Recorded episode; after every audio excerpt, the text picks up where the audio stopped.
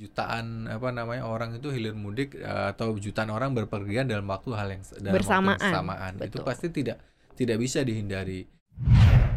Dulu kita pernah tahu ada kemacetan total banget ya berbes Iya. exit gitu ya Iya. Brexit waktu itu di 2016 yang Berbes. parah banget. Kalau kita belajar di pengalaman mudik-mudik zaman dulu terutama kasus Brexit itu apa sih yang bisa kita ambil nih Mas Maruf?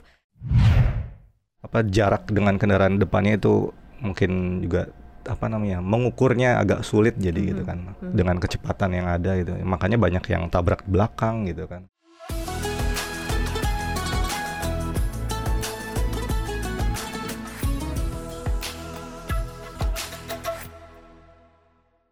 Assalamualaikum Sobat Cuan apa kabar? Semoga selalu dalam kondisi yang sehat dan pastinya bahagia Puasanya lancar-lancar. Nah hari ini waktunya cuap-cuap Ramadan. Seperti biasa sesuai dengan janji kita Cuap-cuap cuan mempersembahkan cuap-cuap Ramadan Selama bulan Ramadan Untuk menemani Sobat Cuan beribadah puasa. Supaya puas- puasanya nih tambah hikmah Tambah amanah Penuh berkah Komplit deh pokoknya ya Nah hari ini hari Rabu selalu ada bukber di sini bareng-bareng. Yaitu adalah bincang isu kekinian biar enggak baper. Iya benar. Biar enggak baper.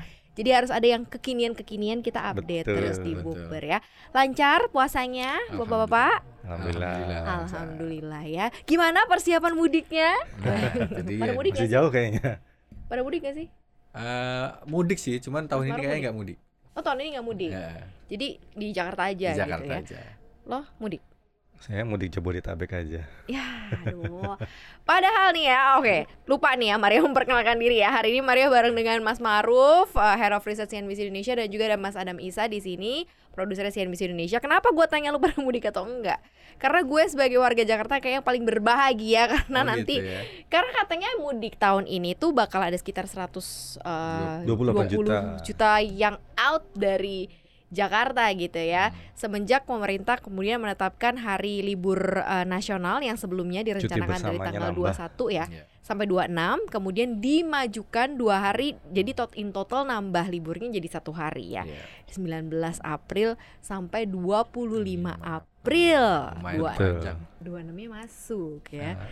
Gimana nih ya kaum kaum kaum libur yang bakal mau Yang bakal mudik, dan kayaknya juga bakal disinyalir uh, akan cukup banyak Ya. uh, masyarakat Indonesia yang mungkin sudah menunda untuk mudik di tahun-tahun sebelum ini bakalan mudik karena Ya. tahun ini nggak nggak ada lagi ketentuan ini itu boleh silahkan mudik gitu ya bahkan difasilitasi sama pemerintah.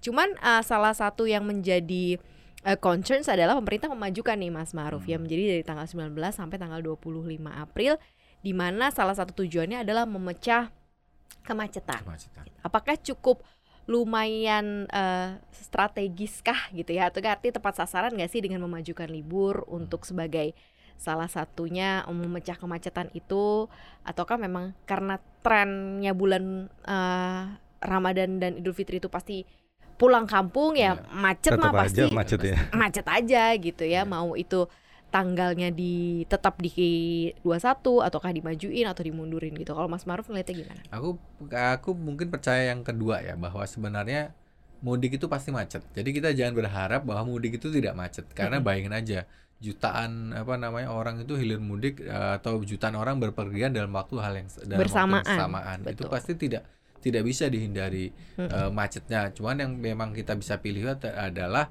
macetnya seberapa nih parah atau enggak gitu Iya, kan. Gitu. Jadi kalau menurut saya pasti macet. Jadi dan upaya pemerintah menurut saya itu upaya eh, udah benar ya menambah Mhm. menambah apa namanya mempercepat waktu mempercepat liburnya waktu gitu liburnya gitu Mhm. karena jadi pilihan orang untuk pulang itu lebih banyak segala Mhm. macam cuman memang kalau teman-teman berharap apalagi yang tukang mudik gitu kayak saya juga mudik gitu kadang-kadang mudik kadang-kadang enggak ya. gitu kan Mhm.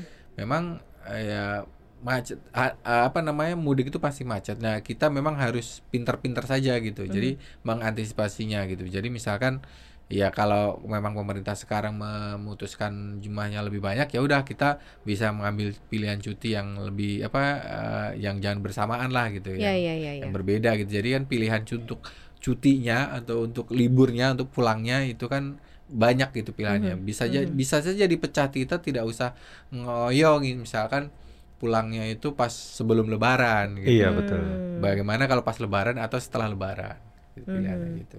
Oh pulang ke kampungnya Iya. gitu Iya ya. dibalik jadi, Jadi lebaran dulu di kota habis itu baru jalan Iya. ke kampung halaman. Jadi liburnya setelah lebaran. Itu ada beberapa yang begitu memang. Kalau lo yang kaum yang mana biasanya? Tapi selalu keluar kota nggak sih? Pernah nggak sih memanfaatkan misalnya em, masa libur panjang lebaran itu melakukan aktivitas keluar kota gitu, baik itu mudik ataupun nggak mudik? Pernah, pernah. Kalau di hari raya itu eh, minimal ke rumah saudara, itu pasti beda provinsi. Sejauh-jauh, oh beda provinsi. Beda Berarti provinsi. naik pesawat dong atau Enggak, naik mobil. Naik mobil. dan itu pasti Wow. macet. Kalau ke daerah pasti macet. Yang cep- yang sepi kan Jakarta. Hmm. gitu. Pernah ngelewatin puncak juga ke daerah Cianjur. Oh, oke oke. Itu pada jam-jam tertentu kan ada sistem buka tutup ya. Hmm. Jadi kalau lagi beruntung lancar pasti melewatin puncak. Tapi kalau lagi nggak beruntung udah dua arah pasti macetnya Macet total. Mhm. Gitu. Itu juga nanti biasanya kan akan diterapkan di apa jalur mudik ya biasanya ada buka tutup, ada mungkin yang one way gitu kan. Mhm. Seperti itu sih Ya, biasanya. yang paling wise sebenarnya em, berangkat mudik dan baliknya lagi dari kampung halaman ke kota itu ke Jakarta tuh pas tanggal-tanggal berapa sih menurut eh, pengamatan ya? Karena kan kalau tanggal Iya. 19 puncak arus mudiknya biasanya satu dua hari ya Iya. menjelang hari raya Idul Fitri Kalau atau tahun ini unik sebenarnya. Iya. Mhm. Kalau kita lihat tanggal 19 itu kan ada di tengah-tengah di hari Rabu. Benar jatuhnya. Nah, kita kaitkan dulu Rabu. sama pembagian THR. THR H-7. H H-7 itu eh, Tanggal 11 12 ya. tanggal 11 12 eh, lebaran tuh di hari Sabtu. Berarti paling tidak di hari Jumat minggu sebelumnya itu sudah pembagian THR. Nah, berarti di Jumat malam, Sabtu, Minggu itu orang sudah paling cepat sudah akan kembali eh sudah akan mulai melakukan mudik Mm-mm. di weekend seminggu sebelum lebaran. Berarti sebelum libur Iya, dan cuti karena bersama kan ini tinggal dua ya. hari itu ya udah tinggal nambah cuti aja gitu. Bener, kan. bener, bener, Atau kalau yang tidak mau memanfaatkan cutinya ya memanfaatkan cuti bersama baru di hari Rabu ketika sudah selesai misalnya ada maaf-maafan dulu di kantor Hmm. gitu kan di hari Selasanya selesai baru mudik ke kampung halamannya di hari Rabu atau Hamin 4 ya kalau nggak salah Iya. Hamin 3 ya. Mhm. Itu Hamin 3 atau Hamin 7 berarti itu kemungkinan dua yang paling tinggi tuh. Berarti akan kebanyakan eh, didahului oleh teman-teman yang kerja informal kali ya dari sektor Iya, non iya, formal. betul. kayaknya ke- pekerja UKM ke- Hmm. atau pedagang-pedagang yang di Jakarta akan sudah bahkan beberapa sudah mulai mencicil mulai sekarang gitu kan. Jadi memang tadi benar kata Mas Adam bahwa delalah kan liburnya itu kan dimulai tanggal Di tengah-tengah. di tengah-tengah. Jadi memang banyak orang sudah memanfaatkan apa namanya mudiknya itu pada Sabtu Minggu atau weekendnya tinggal nambah cuti gitu segala macam. Nah, gitu. untuk baliknya, untuk arus baliknya ini kan dipercepat jadi masuk di tanggal 26 which is itu Rabunya lagi. Rabu betul. Rabu minggu depannya lagi. Berarti kan eh lebaran aja baru Sabtu Minggu Sama gitu aja sih kan. sebenarnya. Kayaknya orang akan lebih banyak nambah, Nambah cuti ke di belakang belakang. sih. Iya, iya. Jadi cutinya empat hari jadi Empat hari. dua, gitu. Cuti empat hari tapi liburnya total dua Liburnya minggu total gitu. Iya, iya, iya, iya, Jadi iya, memang iya. le- Jakarta lengangnya lebih lama lah. Lebih gitu. lama. Cuman kalau sekarang dilihat bahwa memang pu- eh, pusat kemacetan kan memang karena banyak yang pulang mudiknya itu pakai kendaraan Iya. nah, Pribadi. ya. pribadi ya Iya. gitu ya atau kendaraannya misal kayak bis gitu. Harus nggak sih sebenarnya pemerintah juga menaikkan kuota misalnya yang bisa eh, ditempuh juga dengan kereta atau misalnya dengan dengan eh, pesawat gitu yang juga jumlah kuotanya lebih banyak gitu sebenarnya di Ramadan dan menuju Lebaran. Iya, Kalau kuota sih mungkin ya segitu-segitu aja sih sebenarnya memang. Cuman eh, menurut saya memang tinggal pembagian waktu mudiknya aja dijadwalkan. Mhm. Dan yang paling menarik sebenarnya yang paling berbahaya itu mudik kalau pakai kendaraan bermotor, kendaraan roda dua. Tapi ya. rata-rata memang gitu. Iya, itu. Beberapa Nekat-nekat ya. beberapa kan? banyak dan itu nekat dan itu memang berbahaya sebenarnya karena itu secara statistik kecelakaan lalu lintas itu memang Paling tinggi paling, ya. paling tinggi gitu jadi diharapkan. Makanya kan banyak sekali eh, fasilitas dari pemerintah misalnya Depub itu misalkan eh, atau kereta api gitu eh, mudik motornya duluan motornya Motornya di- di, di terbangin duluan atau di, diterbangin di- duluan, dia berangkatin duluan dulu. ya. duluan. Gitu kan bisa gitu ini ya gitu. Jadi itu untuk mengantisipasi. Karena memang menurut data Depub itu kalau kendaraan apa namanya yang di diprodik diprediksi itu sekitar 27 juta itu orang pakai kendaraan pribadi untuk mudik gitu kan Kendaraan pribadi baik motor maupun mobil. Oh gitu. iya gitu. Jadi ya, Pak itu itu kan cukup besar sekali gitu kan. Dan memang kalau kalau mudik itu memanfaatkan fasilitas apa namanya? eh, transportasi umum itu lebih mudah ya, lebih apa namanya tidak akan menimbulkan kemacetan. Cuman bagaimana sekarang itu uh, relatif jalan tol ada di mana-mana ya. Iya, Jawa iya, kan iya, di iya, Ja- iya. Jawa aja sudah tembus sampai sampai ujung gitu kan. Di Sumatera udah sebagian. Jadi memang itu mau tidak mau memancing orang untuk uh, Pakai mudiknya kendaraan pribadi. pribadi gitu. Ini problemnya. Infrastrukturnya udah Infrastrukturnya lumayan udah lumayan mendukung bagus. sebenarnya. Sebenarnya lebih murah atau lebih mahal sih kalau pakai kendaraan pribadi? Harusnya jatuhnya lebih mahal nggak sih? Eh, Dari sisi kalau cost biaya berdasarkan bensin, hitungannya, makan berhenti berhentinya nggak sih? iya. Justru di situ seni dan ini Seni ya, mudik, seninya itu mudik. sebenarnya disebut mudik ya. budayanya memang begitu naik kendaraan pribadi, Iya. mampir-mampir di mana gitu. Tapi kalau menurut saya dan menurut beberapa teman yang melakukan mudik katanya untuk ongkos pergi dan pulangnya lagi itu nggak terlalu beda jauh gitu. Oke, Makanya antara kalau mudiknya untuk dan ya arus antara baliknya. mudik, iya maksudnya secara total costnya itu nggak Oke. terlalu beda jauh walaupun mau pakai misalnya kereta api ataupun pesawat terbang gitu. Terutama untuk yang misalnya dari Masa sih nggak beda jauh? nggak beda Karena kan jauh. tarifnya juga mah naik. harganya kan naik. Ya, ini kan juga naik. tiket soalnya. bis aja udah naik Tiketnya udah 35 persen, Iya. terus tiket pesawat, tiket apalah namanya lagi kereta api itu Oke. naik gitu kan. Kalau kita bawa berapa orang, misalnya satu keluarga, anggaplah empat orang, ibu dan dua anak gitu kan, itu sudah ada biaya. Terus baliknya lagi udah ada biaya. Belum dari dari rumah ke stasiun perlu biaya. Iya iya iya. Ya kan dari jalan dari stasiun ke juga. lokasi kampung halaman perlu biaya benar, lagi. benar, benar. Jadi orang lebih memilih mungkin pakai kendaraan pribadi karena lebih fleksibel bisa mampir ke mana dulu gitu Iya. kan. Terus ongkosnya ya udah habisnya di bensin dan untuk eh, makan di perjalanan ya. Dan biasanya kayak memang gitu. mudik kan tujuannya untuk wisata juga ya. Jadi Betul. daripada nanti di sana repot, mesti harus sewa mobil lagi atau apa lagi gitu ya. Dan jangan lupa bergaya di kampung kan. Oh iya benar. Betul, membawa kendaraan pribadi ke kampung halaman itu. Apa ya? Flexing lingkup Flexing, kecil ya. ya. Kayak memperlihatkan hasil pencapaian selama bekerja di Iya, kota iya, besar iya, atau iya. di ibu kota. Oh, udah ada mobil gitu ya, mobilnya baru, apalagi kalau baru ganti gitu kan emang Betul. sengaja oh diganti gitu ya menjelang Idul Fitri. Nah, cuman kalau kita belajar di kasus-kasus misalnya dulu kita pernah tahu ada kemacetan total banget ya berbes Iya. exit gitu ya Iya. Brexit waktu itu di 2016 yang parah banget. Kalau kita belajar di pengalaman mudik-mudik zaman dulu terutama kasus Brexit itu apa sih yang bisa kita ambil nih Mas Maruf? Kalau sekarang apakah karena semuanya udah well integrated dan um, jalan tolnya udah banyak, udah cukup bagus lah ya.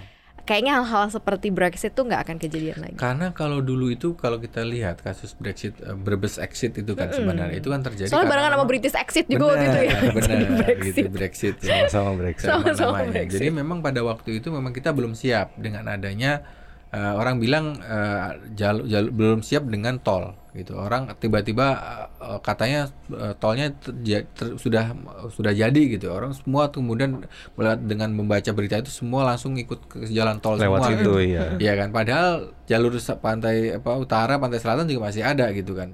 Itu karena orang karena euforia kan. Sem- Sekarang sih kayaknya sih tidak akan terjadi lagi ya karena memang sekarang satu infrastrukturnya juga sudah lebih baik ya kan. Jalan tolnya juga sudah tembus ke mana-mana. Kalau dulu kan memang karena ujungnya tolnya aja itu kan di situ gitu kan. Ya kayaknya macet sekarang. Nah, Ya, ya, ya, sekarang sih kayaknya tidak akan terjadi lagi. Apalagi teman apalagi pilihan mudik kalau kita bedah tadi ya. Selain tanggal 19 juga ada bisa maju sebelumnya, Mm-mm. ya kan belum Hmm. Atau setelahnya. Pilihan harinya lebih banyak ya. Setelah pilihan Lebaran. harinya lebih banyak. Jadi kalau menurut saya meskipun nanti itu eh Depu mengatakan ada 123 120-an juta orang untuk mudik untuk de- ini segala macam itu itu tidak akan terjadi hal yang seperti itu lagi seperti Brexit lagi karena memang sekarang infrastrukturnya sudah sudah cukup baik sih. Hmm, jadi nggak akan terjadi kepadatan lagi Iya. gitu ya. Bahkan hal-hal yang pernah kita alamin waktu itu kan jadi jadi nggak enak gitu ya mau mudik jadi situasinya nggak enak. Ya. di jalan tol Hmm, terutama itu di jalan tol. Tapi kalau sekarang sih akses mas sekarang udah mulai eh, banyak ya. bagus ya. Kalau lo ngeliatnya gimana mas Adam? Iya, selama lima tahun ke belakang kalau kita hitung ya pembangunan infrastrukturnya lumayan masif, terutama di daerah Jawa sama sebagian Sumatera kan yang dari Lampung itu. Hmm. Itu sebenarnya cukup mendukung untuk kelancaran eh, kendaraan mudik ya, terutama yang pakai kendaraan pribadi kayak gitu. Nah di situ itulah kelebihannya eh, apa namanya infrastruktur yang dibangun. Ya memang mudik itu kan biasanya memang terpusatnya di Jawa gitu kan dari Jawa terus ke daerah sampai Jawa Timur Bali terus yang sebagian ke arah barat tuh ke Pulau Sumatera gitu kan itu yang dikonsentrasikan dan itu udah cukup sangat apa namanya cukup memadai sih semuanya gitu kan Mhm. paling yang kita harus perhatikan cuman faktor apa ya keselamatan mungkin gitu Iya. kan itu harus lebih Iya, iya, lagi iya. karena kan kita tahu sendiri di bukan apa namanya di bukan masanya mudik aja tol Cipali itu kan yang panjangnya berapa ratus kilometer itu banyak kecelakaan juga kecelakaan sebenarnya. karena bentuk apa namanya bentuk jalan tolnya yang terlalu panjang Terlalu lurus panjang, gitu terlalu tracknya terlalu lurus gitu Mhm.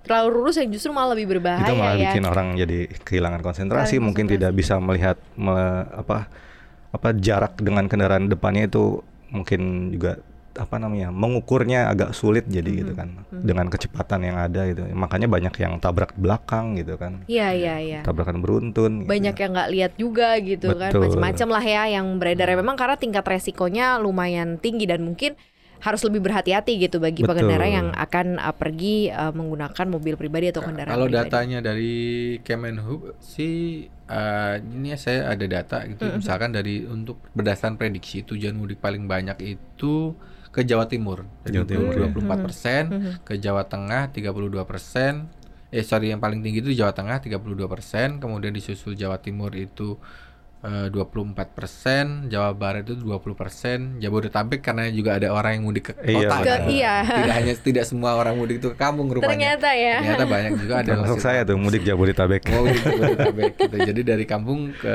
kota gitu Jabodetabek 8%, Yogyakarta sekitar 6%. Jadi memang itu pembagiannya. Jadi teman-teman juga bisa milih jalur nih gitu. Misalkan mana yang banyak kan banyak orang lewatnya dihindari deh lewat jalur yang mana alternatif-alternatif segala Kalau pulau-pulau lain tuh nggak ada update ya Mas Maruf. Artinya ketika lagi musim mudik kayak gini kan kita konsentrasinya banget di Jawa gitu kan. Emang rata-rata kerjanya ya kalau nggak di Jakarta pulangnya ke Surabaya, ke Malang atau ke mana gitu ya.